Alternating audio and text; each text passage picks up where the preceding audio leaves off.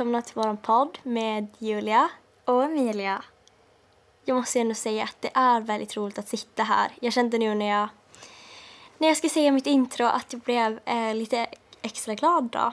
Eh, eh, det är så här att jag har hållit på med en uppsats hela dagen och när jag skriver uppsatser så läser jag högt för mig själv gång på gång på gång för att hitta fel och kunna ändra strukturen i min text. Eh, så nu tycker jag att min röst låter jättekonstig, nästan lite irriterande. Men jag antar att det bara är jag som tycker det. Och här sitter jag och hör bara med ena öra. Uh, så ljudet låter, det låter jätte, jätte, jättekonstigt. Men det är helt okej. Det går att prata ändå utan att höra sig själv ordentligt. Men uh, ja, idag har det varit en lång dag. Jag har gått 8 till 4 eh, hela dagen. Och eh, jag har insett eh, två saker. Och det är att människor hela tiden rör räcken Framförallt när de ska gå upp och ner för trapporna. Och jag bara satt och stirrade ett tag på alla människor som gick. Jag bara alltså, va? Jag förstår inte grejen. Och sen den andra saken, det var det här med att folk går så himla konstigt. Um, eller att alla har ju unika gåstilar. Exakt, ja alla har unika gångstilar och det, jag hade tänkt på det förut men ja, men det var två grejer som jag faktiskt har lagt märke till idag. Ja, och just det där med att man drar längst handtagen, inte handtagen, men ja, ni förstår, uh, och inte tvättar händerna när man kommer hem. För jag har märkt att jag har ju någon grej att när jag kommer hem så tvättar jag alltid mina händer och min telefon och min dator. Att det är ju någonting som jag gör på rutin. Och jag tycker det är så konstigt när folk inte gör det. Det är så här, åh gud vad äckligt. Och sen så rör du ditt ansikte. Nej jag vet inte, jag antar att man är lite skadad. eh, nu när det står överallt hur mycket man ska tvätta händerna och sånt. Eh, men ja, jag är själv ingen så här ta i räcken person. Jag undviker det så mycket som möjligt. Och, ja. Eh, nej men nu sitter vi här igen eh, med ett nytt avsnitt. Eh, I vårt förra avsnitt så pratade vi om lärdomar som vi har haft eh, genom vårt eh, korta liv då. Eh, och jag tycker att det blev ett väldigt bra avsnitt. Det blev lagom långt och om ni vill så kan ni gå in och lyssna på det. Men idag så ska vi prata om ett ämne som är, eh, vad ska man säga, det är, ja men det är ett ganska allvarligt ämne eh, beroende på hur allvarligt man nu än gör det till. Eh, så det jag ska prata om idag är dödsångest.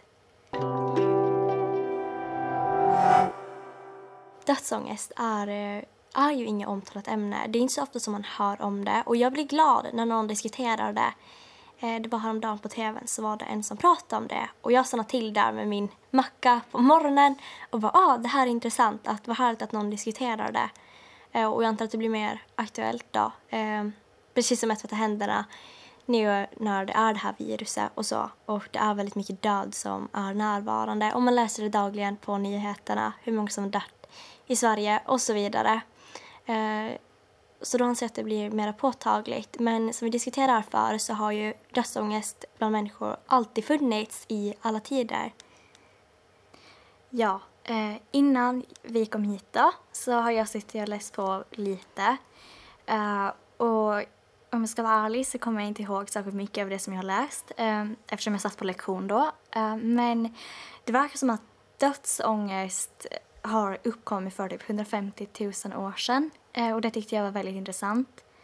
Eh, jag vet inte anledningarna till det, men jag tror att, att det finns ju något så här naturlig rädsla inom oss. Eh, för att ja, vi vill inte att vi vill klara oss. Uh, så här överlevnadsmekanism kan man ju säkert kalla det.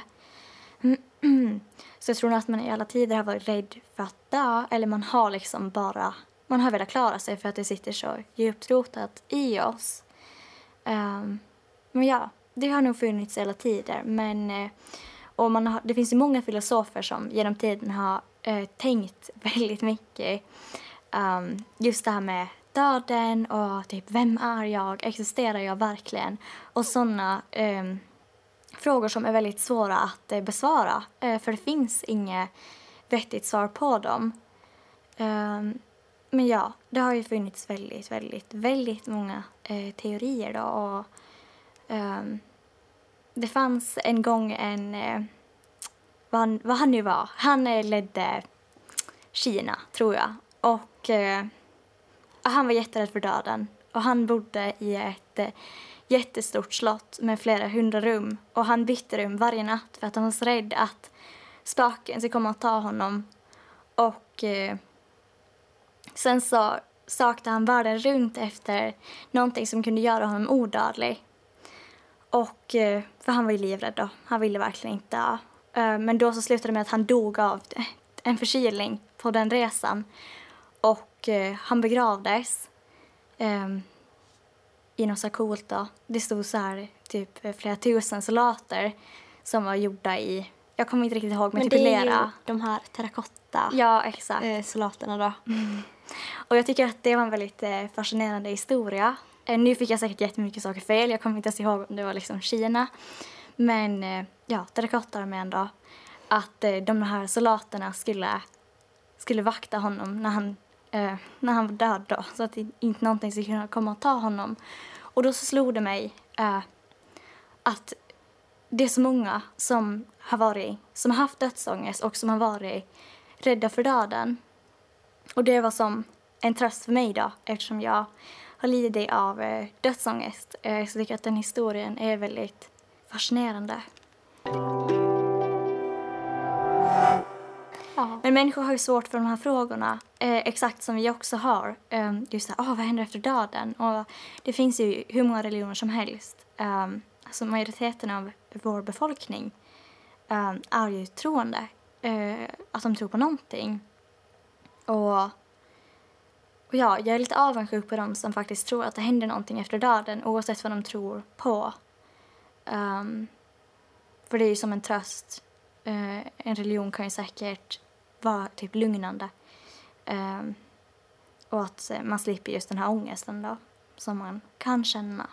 Ja, det här har vi pratat om många gånger förut. Att, eh, jag menar att det skulle vara skönt att faktiskt kunna tro på någonting och tänka så här, ja men efter döden så händer det här och det här. Och att man tror på det ja, men till 100 procent. Att man vet så här, ja men det här händer.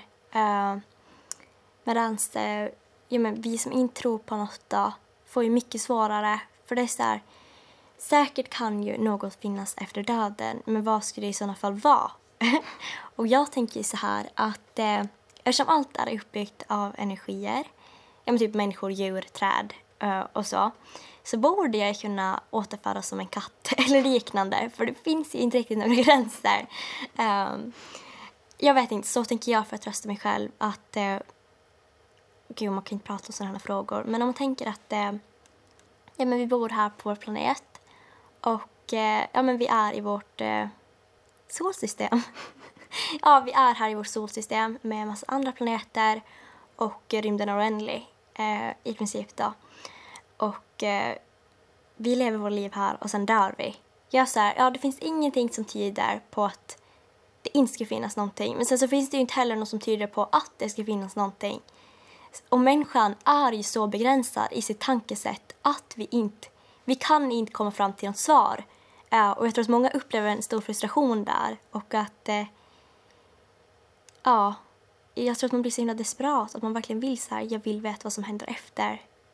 Om något händer. uh, ja, man blir tokig när man tänker på det här. Uh, och ja, visst skulle det vara väldigt trevligt att återfödas eller liknande.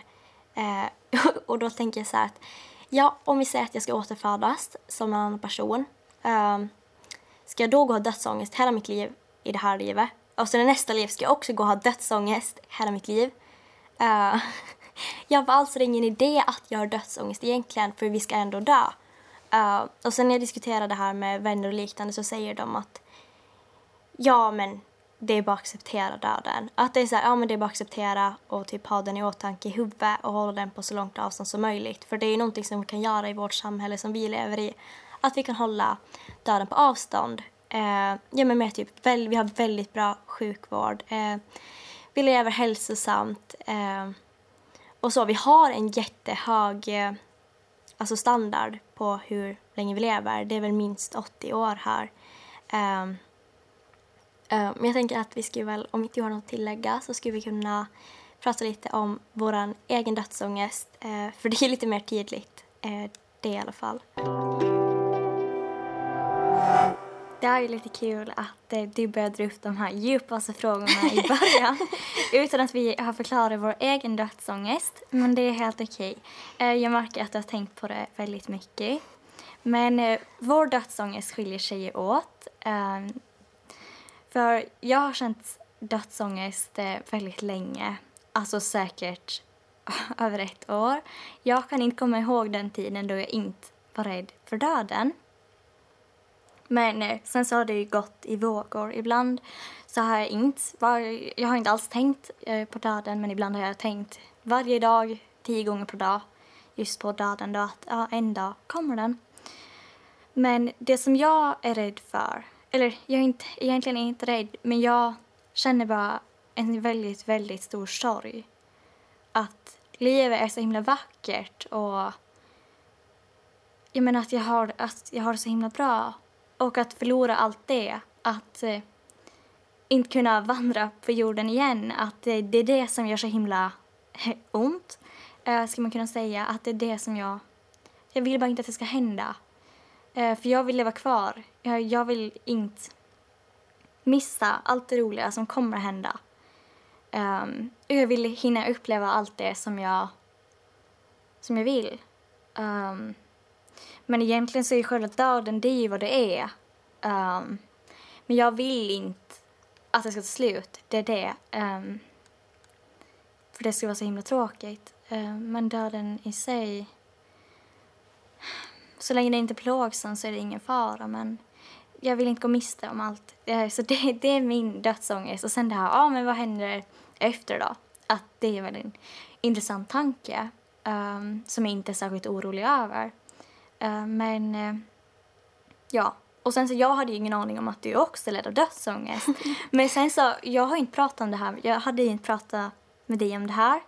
Uh, tills du bara, alltså jag har sån jävla dödsångest. Och jag var så, va? Jag också? Bra, då är vi två. Eh, så du kan ju berätta lite om din dödsångest. Som ni säkert vet så har jag eh, mått väldigt dåligt och jag har lidit av eh, självmordstankar. Det finns även ett avsnitt ute om det. Det blev jätteuppskattat så ni kan ju gå in och lyssna på det också. När ni ändå håller på.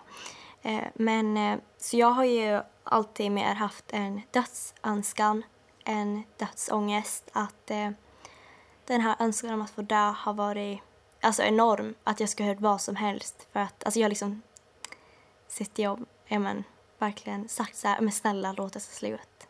Alltså om och om igen. Uh, till att sen i våras, uh, i mars-april, bara slås rätt i ansiktet av den värsta dödsångesten som jag någonsin har känt. Att jag aldrig känt något liknande. Uh, och det var typ det enda jag kunde tänka på. Och just den här ångesten. Det är en sån himla oro eh, som man känner hela tiden och man tänker på det hela tiden. Alltså det var i mitt huvud konstant i säkert över en månads tid. Alltså verkligen. Jag, det var liksom oavsett vad jag gjorde så var det alltid där hela tiden. Uh, jag kommer ihåg jag var helt förstörd. Jag bara grät och grät.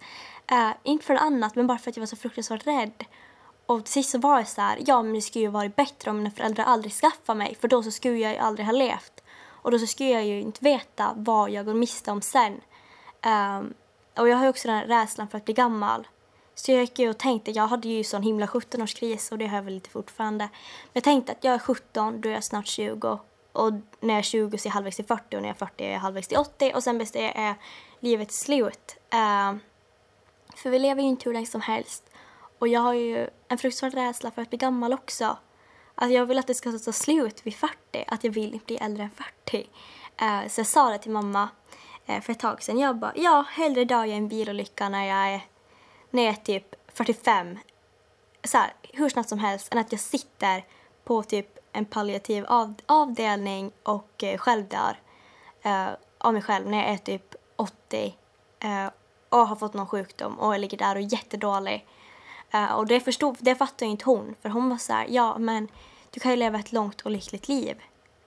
Jag var så här, ja visst kan jag ju det.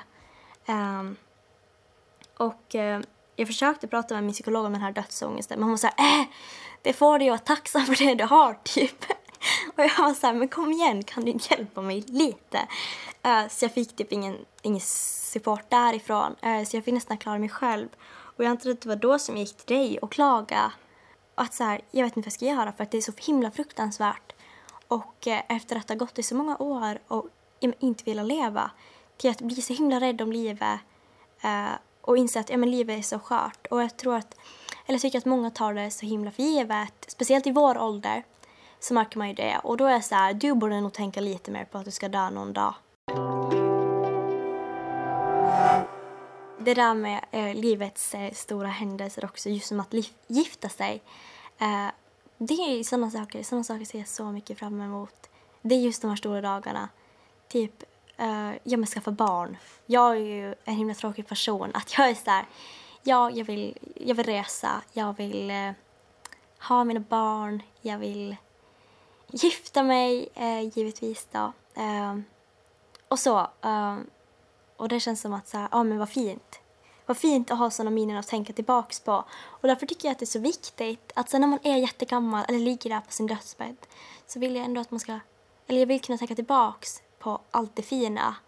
Eh, och därför kan jag inte förstå när folk slösar bort sina liv på kriminalitet till exempel. Alltså jag kan inte förstå det. Jag är så här, varför vill du börja din unga vuxna ålder med att hamna in till exempel. För jag har ju känt sådana personer och jag tycker att det är så konstigt att så här, du ska behöva höra mitt poddavsnitt och inse att alltså, du har bara ett liv och varför lägger du ner ditt liv på det här när du har sådana fler möjligheter och liksom som kapacitet för så mycket mer. Um, så ja, jag förstår mig inte på vissa uh, och ibland kan jag också sakna den här tiden när jag inte hade dödsångest, när jag inte brydde mig om någonting. För det var så här, alltså det var som att jag skulle vara odödlig.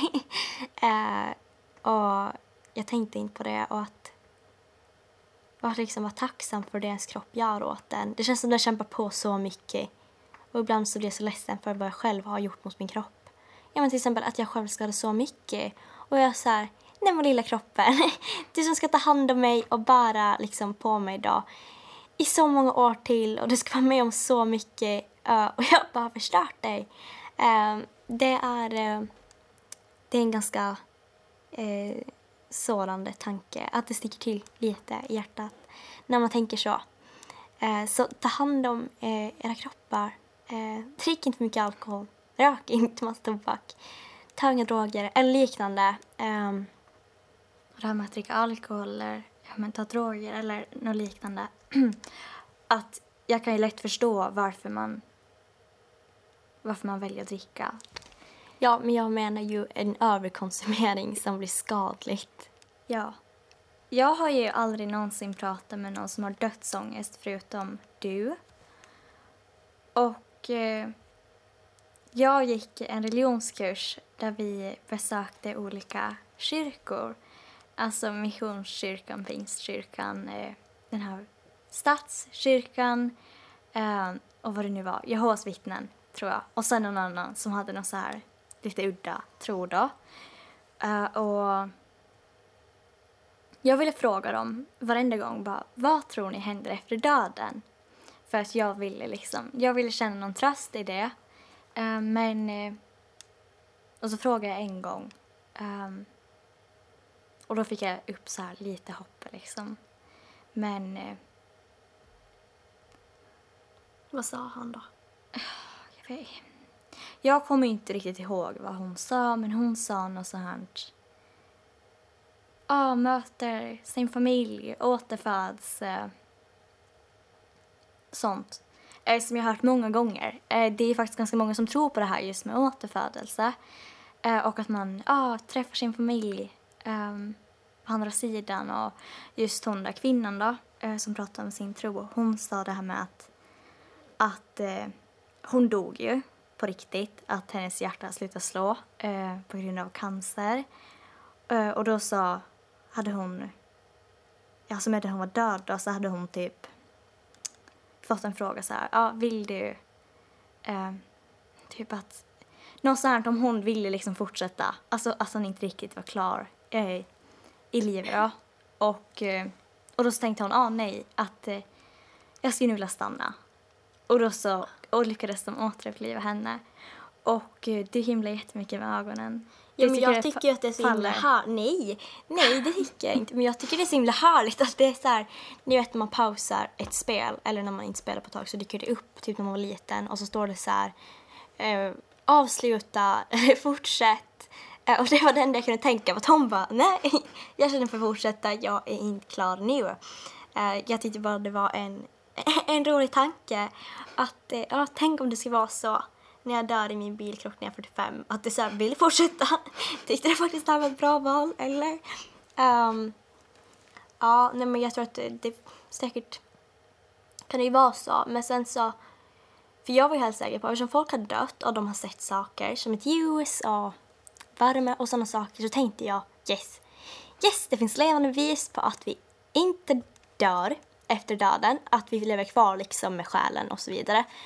Och sen så läste jag på vad som händer efter och det har visat sig, förlåt om jag förstör för någon nu, men det har visat sig att eh, hjärnan är aktiv eh, cirka 30 sekunder efter döden då. Eh, att det fortfarande finns aktivitet kvar i hjärnan.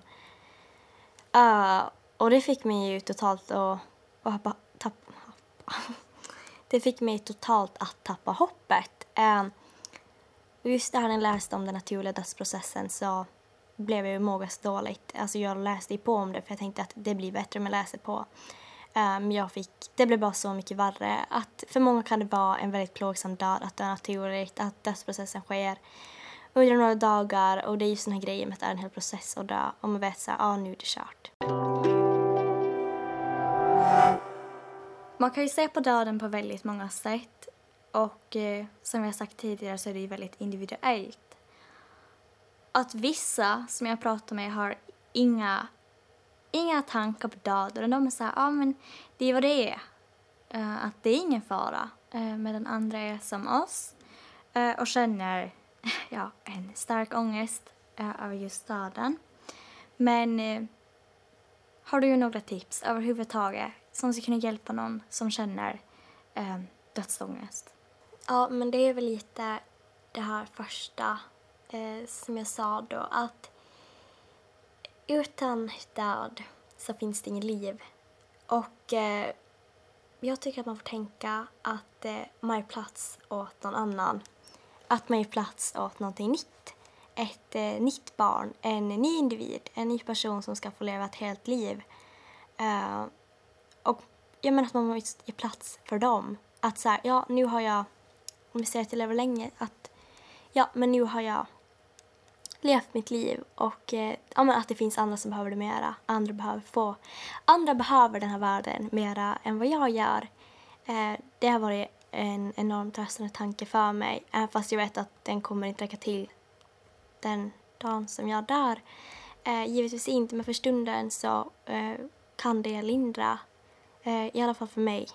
Det finns väl några saker som har hjälpt mig med min dödsångest. Um, och det är väl just det att jag blir mer tacksam. Varenda dag så är jag tacksam över allt.